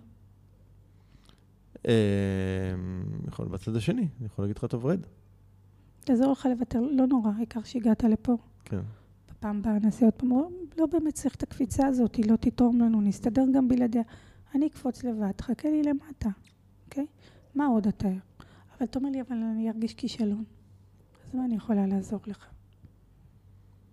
אז מה את אומרת? אני יכולה רק להגיד לך שאני מאמינה בך שתקפוץ. אני אהיה פה עד שתקפוץ. ואם לא תקפוץ היום, אני אבוא איתך מחר, ואני אבוא איתך מחרתיים, וכשתהיה בשל לקפוץ, אני אקפוץ איתך. Mm. עכשיו, משלושת האפשרויות, אתה בוחר. אני לא יכולה לבחור בשבילך. כן. אני לא יכולה לקצר לך את התהליך של הבחירה. אני יכולה לא להעביר לך עליך ביקורת. אני יכולה לא לצפות ממך לקפוץ. אני יכולה להבין שגם אם אני אקפוץ לבד יהיה בסדר. יהיה לי יותר כיף אם תקפוץ איתי, יהיה יותר נחמד. אני חושבת שאם נעבור את החוויה הזאת ביחד זה יעצים אותנו. אבל אם אתה לא שם, אני, ואני אעצור את עצמי ואני אגיד לך, לא נורא, נלך ביחד, אני פוגעת בשנינו. Mm. אני צריכה לקפוץ. שזה שוב חוזר למה שדיברנו, לא לוותר על הרצונות שלנו. בדיוק. וואו, טוב, תראה, אז דיברנו פה על לא מעט דברים. אמ, יש ככה עוד איזשהו משהו, איזשהו טיפ או משהו חשוב שצריך לזכור בהקשר הזה?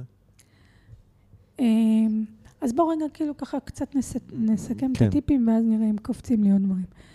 אז אה, דיברנו על הטיפ הראשון זה לבדוק עם עצמי, מה, מה מפריע לי. דיברנו על הרמזור של, אה, אדום, צהוב, ירוק. כן, לדאוג שכמה שפחות אה, יהיה לנו אדום בחיים שלנו, כמה פחות, גם. דיברנו על התהליך הזה, כמו שאני עכשיו שאלתי אותך, מה אתה צריך? כן. מי, מה אתה צריך ממני? מה אני יכולה לעשות? דיברנו על לשחק משחק. זוגיות זה מגרש משחקים שבו אנחנו מחליפים תפקידים. נכון. שפה שבוע ימים אני משכנעת אותך, מה שאתה בעמדתך, ואתה משכנע אותי בעמדתי. דיברנו על לקחת אחריות, כן. ברמה הכי גבוהה שיש. כן, הרמה, אישית. בכלל להבין ולהתחיל לגלגל במוח, כי זה משהו שהוא לא פשוט אה, לחיות אותו, בואו נדבר על להבין אותו. נכון. דיברנו גם שזה בסדר ורצוי שלכל אחד יהיו את הרצונות הנפרדים כן. משלו.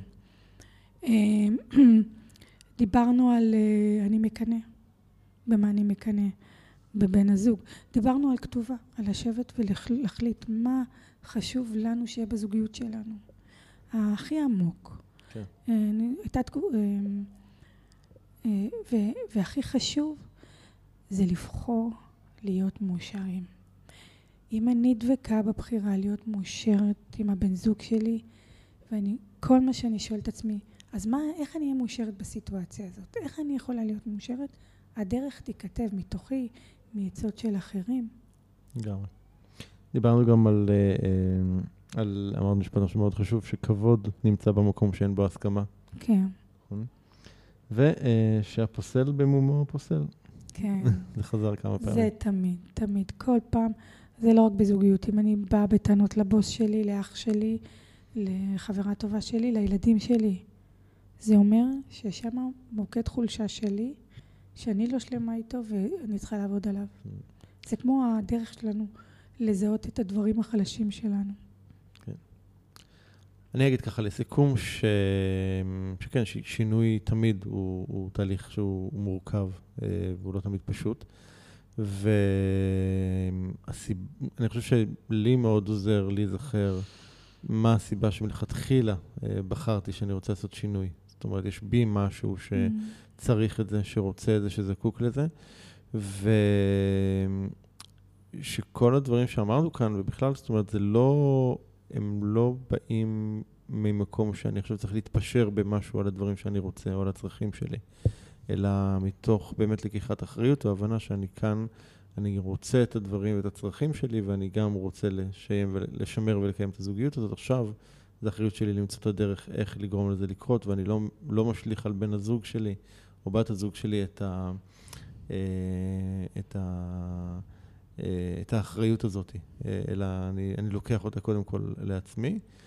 ואני אגיד, שוב, גם בניסיון האישי שלי, שלפעמים יש מצבים, גם לא דיברנו על זה כאן כמעט בכלל, אבל לפעמים יש מצבים שכן, יכול להיות שכבר מה שעבד לנו פעם לפני 30 שנה, כבר לא עובד לנו יותר. אמ, אני חייבת להגיד לזה. לא, לא חשבתי אחרת. כן. לפעמים אנחנו מגיעים למצב שאנחנו כבר לא אוהבים כמו פעם, וכבר לא שווה לנו אותה, לעשות את המאמץ לשינוי. כן. תמיד אפשר על הכל לגשר או לחיות עם הפער, אם אני רוצה. אם, זה ש... אם אני מספיק אוהבת, נכון.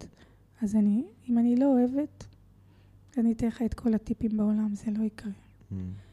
ואם לפעמים, אם במהלך החיים לא דאגנו להזין את האהבה הזאת, אנחנו יכולים להגיע לנקודה שכבר אין אהבה וכבר אין סיבה.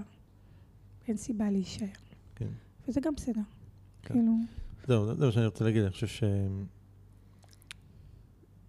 לפחות בתפיסתי היום, זה שבאמת אה, אנחנו, אנחנו כאן באמת כדי לממש ולהגשים את עצמנו, ולא לא להתפשר על החיים שאנחנו חיים.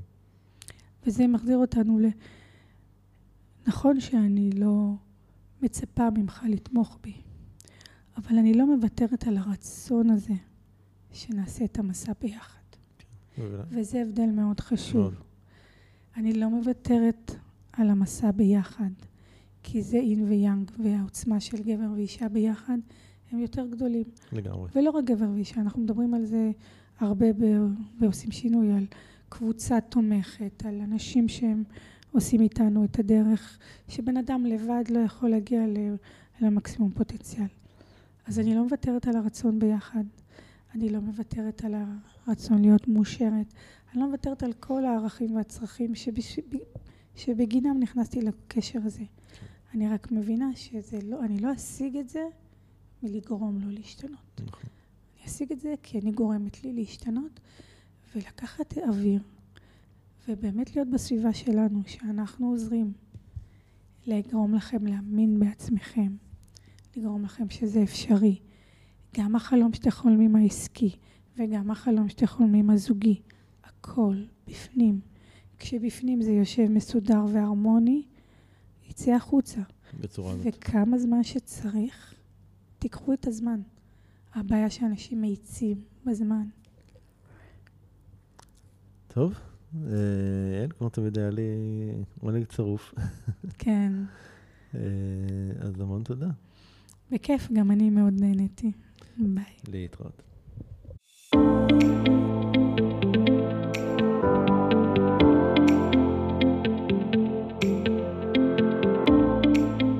זהו, עד כאן לפרק של היום. אם אהבתם את הפרק, אל תשכחו לדרג את הפודקאסט ב iTunes, ספוטיפיי, Google Podcast, SoundCloud, יוטיוב או בכל פלטפורמה אחרת שדרכה אתם מאזינים לנו כרגע. תוכלו למצוא אותו באתר הפודקאסט doingchange.co.il את כל הכישורים הרלוונטיים לפרק הזה. שם גם תוכלו להירשם לפודקאסט ואנו נשלח לכם תזכורת בכל פעם שאנחנו מעלים פרק חדש. נרשמים באתר doingchange.co.il אני מזמין אתכם לכתוב לי תגובות, מה אהבתם, את מי תרצו לשמוע בפרקים הבאים, או כל הערה והערה אחרת שיש לכם. אתם מוזמנים לשלוח לי ישירות למייל feedback at ערנסטרן.co.il או בפייסבוק שלי facebook.com/ערנפנפייג'. אם אהבתם את הפרק הזה, אל תשאירו את כל הטוב הזה רק לעצמכם. בטוח שיש לכם חברים שרוצים גם הם לעבור שינוי. שתפו אותם ושילחו להם את הפרק. ומילה אחרונה, אבל חשובה. אם קיבלתם השראה מהפודקאסט ואתם מרגישים את השינוי בוער בכם, אם החלטתם שאתם רוצים שינוי ואתם מוכנים לעשות את מה שצריך ולא את מה שנוח, כדי ליצור את השינוי הזה בחיים שלכם, אני מזמין אתכם לתאם איתנו שיחת בהירות, ללא עלות וללא התחייבות. בשיחה הזו נעזור לכם להתמקד ולהבין כיצד לקדם את השינוי בחייכם. לתיאום השיחה ייכנסו לאתר ערנסטרן.co.il/doingchange ושוב, ערנסטרן.co.il/doingchange. אני ערן שטרן, שמח שהאזנתם ונשתמע בפרק הבא.